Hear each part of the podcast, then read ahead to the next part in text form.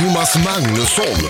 Det låter ju mer som en skidåkare som tagit guld på tremilen i skid i Falun 1974. Då finns det ju en helt annan aura kring Dileva. Om det var så den 14-årige Thomas Dileva tänkte med Gävle vet jag inte, men det var i alla fall då han bytte efternamn. Det är mycket man vill fråga Sveriges egen rymdblomma. Varför kallar han sitt första band Pilly Snorks? Varför bär han alltid kaftan? Och varför säger han saker på ett så egensinnigt sätt? Men allt är inte alltid frid i Thomas liv. För några år sedan trädde han fram i media efter att ha blivit anklagad för att ha slagit sin dåvarande fru. Förutom att ge oss unik musik, senaste singeln heter Drömmen om Sverige, så föreläser Dileva också om personlig utveckling och skriver böcker. I självbiografin Vi måste prata om allt berättar han öppenhjärtigt om sitt livs toppar och dalar och varför hans musik låter som den gör. Och imorgon så fyller Thomas Di Leva 50 år. Ja må Di Leva. 50 år imorgon Thomas! Ja, 50 år. Du ser ut som 25. Gör jag det? Ja, det gör du. Vad snälla ni är. Du ser inte en dag äldre ut än 48. Tack. Ja, Tack. Men vad, hur ska du fira 50-årsdagen? Ehm, Blir, blir det, sätter du, gör du en linssoppa och så sätter du i 50 ljus? Eller äter du tårta? eh, jag, jag hoppas på någon, eh, någon spännande liten tårta. Men eh, vi får se, jag har inte bestämt någonting utan vi får se vad, vad Sofia hittar på, alltså min fru, vad hon har hittat på. Eh, hon verkar lite hemlighetsfull så vi får se vad som händer imorgon. Anar du överraskningsfest? Ja, jag anar det faktiskt, men jag ska inte säga något. Men du, här, här är min ta- tanke. Jag är ju naturligtvis inte bjuden på din överraskningsfest. Ja. Och hade jag varit det hade jag ju låtsats att jag inte var bjuden på din överraskningsfest. Du Men- kanske är det? Jag säger ingenting. Men frågan är, när Thomas Di Leva fyller 50, Mm. Vad köper man i present? Jag vet inte vad de ska köpa faktiskt. Eh, Jag För- tycker inte de ska köpa någonting. För Men man vill ju ändå ha med sig någonting. Du vet, det är ju ändå en bemärkelsedag. Ja, man, kan, eh, man kan plantera ett träd i, i, eh, på något ställe där det behövs ett träd kanske. För kaftaner har du redan tillräckligt. Ja, jag har väl 40-50 stycken. Har du det? Men vad skulle du bli glad, glad för då? Ett träd? Om man kommer med min gamla surdeg? Om jag, om jag får en, en god mango så är jag glad. En god mango. ja. En god mango. Ja. Lustigt, det är vad jag kommer önska mig i 50-årspresent också. Ja, lustigt. Det är inte vad jag kommer att önska mig. Nej, jag kommer faktiskt inte heller det. Men det är en bra present. Ja, det är bra. Ja, det är ju svårt att hitta en bra, en mogen mango. Ja, en sån här riktigt god mango som man bara får när man liksom är i typ Indien eller på Hawaii eller Mm. något sånt där. Det har jag aldrig upplevt. Nej, inte heller. Nej. Nåja, vi ska prata mer med Dileva, vi ska lyssna på nya Sigge, vi ska prata om boken och vi ska naturligtvis också höra vad Dileva äter för märkliga saker som vi andra tycker låter lite äckligt. Just det. Det måste ju finnas en hel del. Kanske. Alldeles strax. Riksmorgon så i studion just nu, full fart. Jag som Adam. Jag heter Britta. Jag heter Marco. Och, Jag heter Thomas. Hej! Och inte vilken Thomas Svensson, Thomas Dileva. 50 år imorgon! Yes! Grattis i första. Tack. Tack. Ni är snälla. Du, eh, din bok. Mm. Vi måste prata om det. Vi måste prata om allt, heter Ja, den. vi måste ja. prata om allt. Vi måste prata om allt. Ja. Eh, det är ju en biografi. Ja. Hur kommer du ihåg allting? Ha- Har du skrivit dagbok eller? Jag trodde inte att jag skulle komma ihåg allting när jag började. Jag tänkte, hur ska jag komma ihåg allting? Jag tänkte precis så. Ja. Men så satt jag med, med Claes Ekman som är min medförfattare. Då satt han och intervjuade mig tre timmar om dagen, typ varje dag i tre månader och spelade in på band. Och då kunde vi gå igenom liksom varenda månad i princip från att jag föddes till idag. Så vi fick ju himla mycket material, men eh, sen sorterade vi ut materialet för att fokusera på berättelsen, att berättelsen Ja. var det viktiga. Men var det så att det ena gav det andra? När ni pratade om skivbolaget Mistlur så kom du på ditten och datten och Ja, så. man kom på olika, ja visst ja, då hände ju det här, ja Ja. visst ja, då hände ju det här. Men fortfarande idag när jag tänker på boken så tänker jag, ja men det där berättar jag ju inte. Och det Nej. där berättar jag inte. Det där brukar jag berätta på scen, tänkte jag. Varför tog jag inte med det där i boken? Det Men- kanske kommer en till då. jag kan skriva en. Men det är några, några grejer som sticker ut i boken, eh, bland annat när du eh, som 18 eller kanske 19-åring när du kommer till Stockholm, du har en kompis Ja, och du, du gör sedan en skiva, ett album ja. som kommer ut och det blir totalsågat. Du kommer från Gävle till Stockholm, du har en kompis, alla skriver att din skiva är det sämsta som någonsin har gjorts. Kanske de skriver en. Nej, det gör de ju inte, det vet jag. Men, men hur, hur hanterade du det? Det måste ju varit, det måste ju varit alltså, superhemskt. Jag, jag var ju så pass ung då jag, eh, och jag, jag trodde ju, när jag gick på det var ju naturligtvis ingen som kände igen mig på stan då för jag var inte så känd, jag hade precis kommit med min första skiva. Men såg du ut så här då också? Nej, jag såg mycket yngre ut. Ja. Men att, jag hade inte så mycket skägg. Men i alla fall så, när jag gick på stan så, jag trodde att alla som tittade på mig, att de tänkte så här, gud vad han är dålig, Ja. och vad ful han är, vad dålig han är.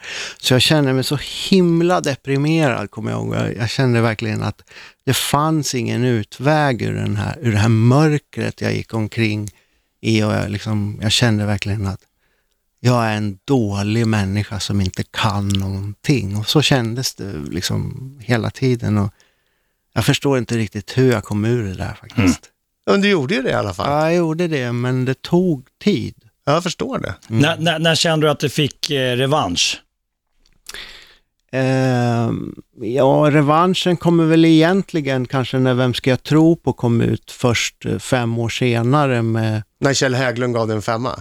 Ja, men då hade jag ju redan turnerat runt i landet ganska mycket och jag hade släppt två album till som hade gått lite så halvbra de hade börjat spela mig lite på radion, men jag kommer ihåg att jag spelade på mycket så här olika eh, underground rockklubbar och Ja. jag ihåg- man, man levde lite så här från Ja, man var glad och man, jag var väldigt smal för jag hade inte råd att äta så mycket om man säger så. Vi ska prata med Medileva alldeles strax. Naturligtvis ska han berätta vad han äter för konstiga saker, men jag har också en fråga angående eh, ett ställe i boken. Dina, dina kompisar var ute och partajade medan du, hyggligt citat, inte ordagrant kanske, låg hemma i en pyramid omgiven av mängder av stenar och kristaller. Jag är lite intresserad av pyramiden och jag ska ställa den frågan alldeles strax. Riksmorgon Zoo, två minuter över halv nio. Vi har Dileva i studion. För dagen iklädd en eh, indigofärgad kaftan med en eh, märklig, kan det vara en bokstav på bröstet i rött Ja, kanske. som betyder? Eh, det betyder eh, att... Kaftan är världens bästa plagg. Ja, Det var betyder bokstaven det. betyder. Vi säger så. Jag vet vad den, är det en bokstav och vet du vad den betyder? Det är sanskrit. Det betyder eh, att man... Det är tecken som betyder att man drar till sig tur. Ah, sån skulle man ju ha. Som borde alla ha. Ja, faktiskt. På Du- pyjamasen.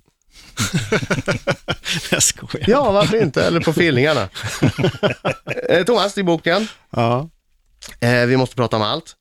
På ett ställe står det att dina polare var ute och partajade medan du låg, och jag jag citerar möjligtvis eh, nästan ordagrant, hemma i en pyramid omgiven av mängder av stenar och kristaller. Mm. Har du haft en pyramid hemma? Ja, pappa byggde en pyramid. Jag, jag gav honom mått att de här, det här var som pyramiden i Giza i Egypten, den Keops pyramid. Det är de måtten, alltså, i, inte så stor men i mindre storlek. Alltså, så då hade du haft en stor lägenhet om Ja, du hade haft originalmåtten. Ja, jag hade ju velat haft det, men jag fick bara plats med en mindre variant som var byggd av koppar som skulle vara att det skulle leda kosmiska energier till där jag sov. Så du hade den liksom över sängen? Ja, jag, jag hade den. Jag låg på en madrass på golvet vid den tiden, för jag ville inte ha någon säng. Jag ville sova på golvet i en pyramid. Så jag hade en madrass. Funkar det då? Fick du någon kosmisk eh, energi? Uppenbarligen.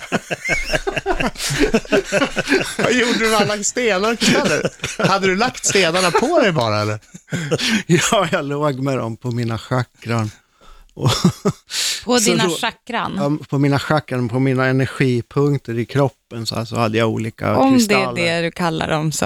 Ja. Nej, vad är, det, vad, är, vad är det för punkter? Ja, men det, man har typ att i huvudet så där har man liksom en uppkoppling gentemot eh, hela världsalltet och i hjärtat så har man en uppkoppling eh, till den allomfattande kärleken och i naveln så har man koppling till liksom sin helande energi och sånt där. Okej. Så då höll jag på med det ganska länge faktiskt, flera år så höll jag på och låg i den där pyramiden. Men sen kändes jag, jag kände att den inte behövdes längre för jag kände att jag blev en pyramid.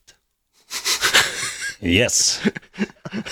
Det var, Ja, vad så, sa, vad sa, vad sa, klart, vänta, som, vänta, vad klart sa, som korvspad. vad sa tjejer när de kom hem till dig?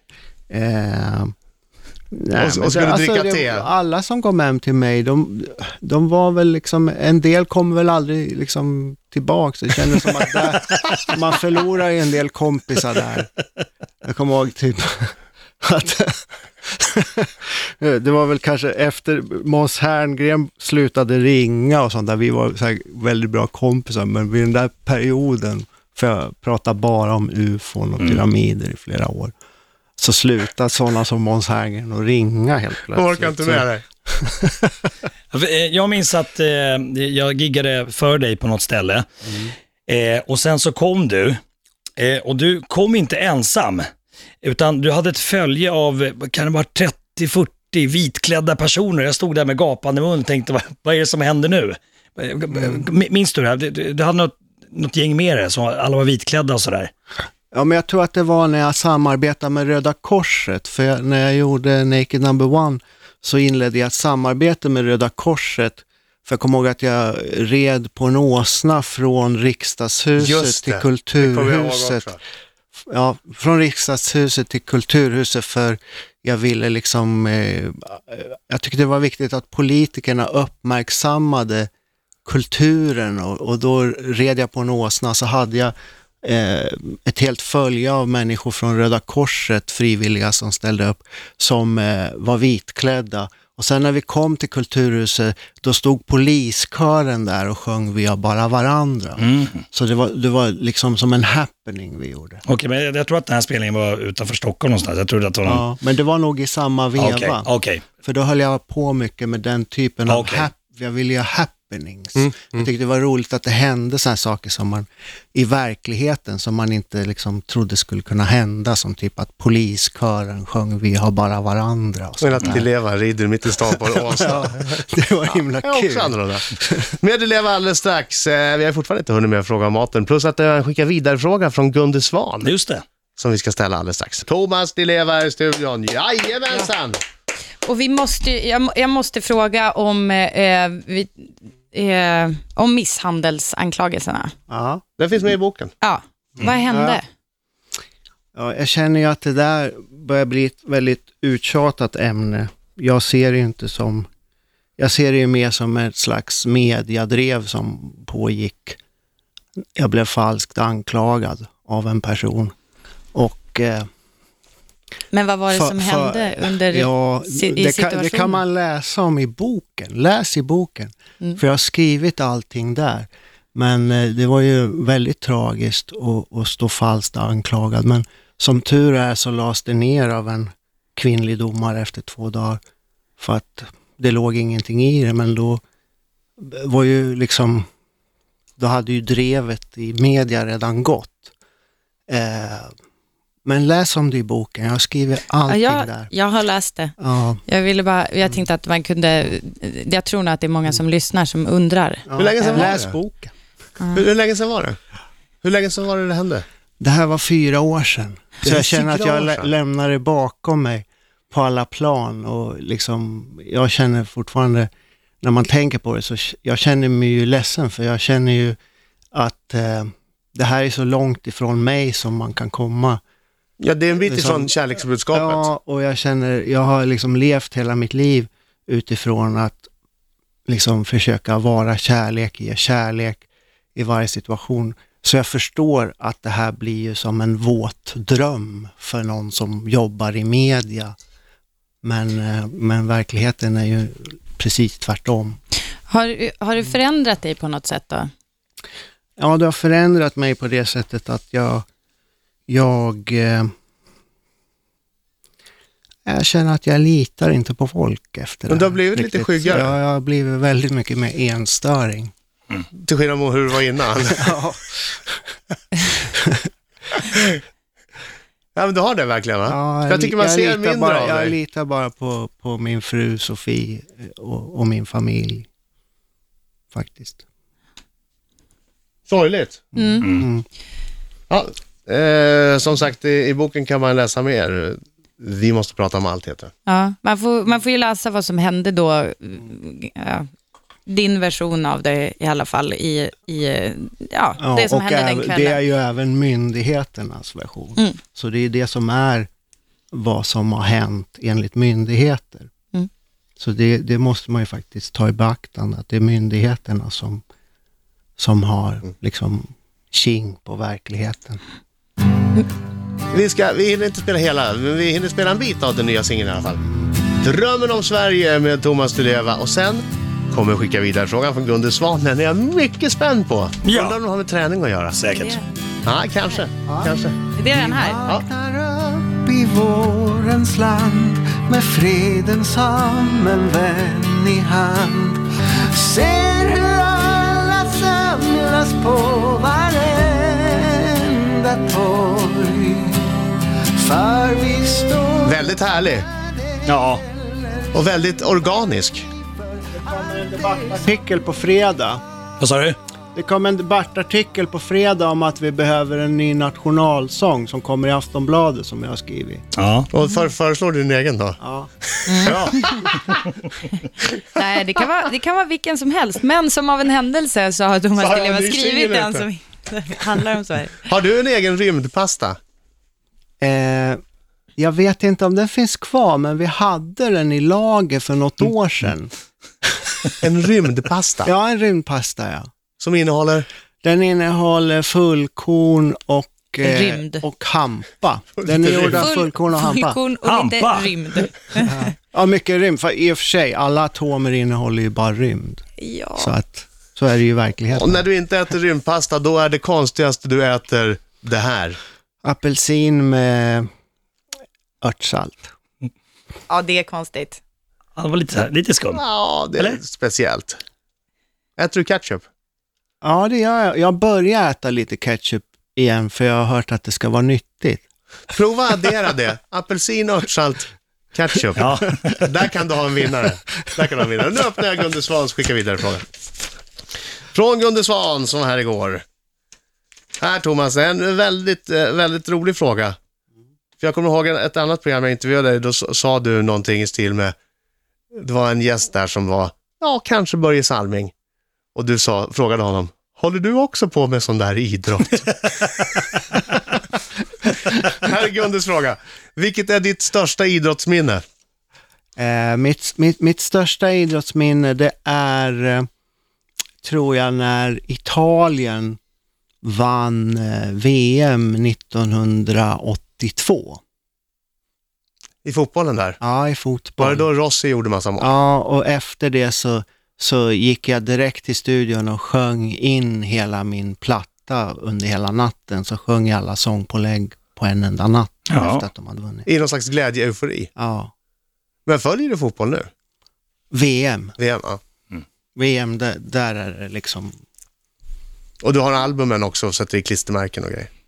Nej, det gör jag inte. Men jag, jag tycker att när det är VM, då, är liksom fo- då blir fotbollen, då är den upphöjd tycker jag till filosofi. Sjunger du in med, in med bollen då? in med bollen Ja, i den mål. sjunger ju du. Det Ja, brukar du precis. sjunga på julgalorna. Exakt. Jag brukar spela mycket med, med, med Markoolio på julgalor och så här. Han sjunger alltid den och Ja, hela det är tiden. liksom typ kvällens låt Ja. varje gång. Hörru, Bortsett från den, vilken av Markoolios låtar skulle du vilja ha skrivit? In med bollen i mål. Nej, bortsett från den så här. Nej, så enkelt kommer du inte undan. Jo, men jag tycker den är bra. Eller någon annan låt. Nå- Nej. Han, har så många bra, Tack Thomas, tack Thomas. svårt att välja. Ja, bra, Thomas tack. Leva, Drömmer om Sverige, ny singel och vi måste prata om allt, ny bok. Tack för att du kom hit Thomas. Tack. Tack så mycket.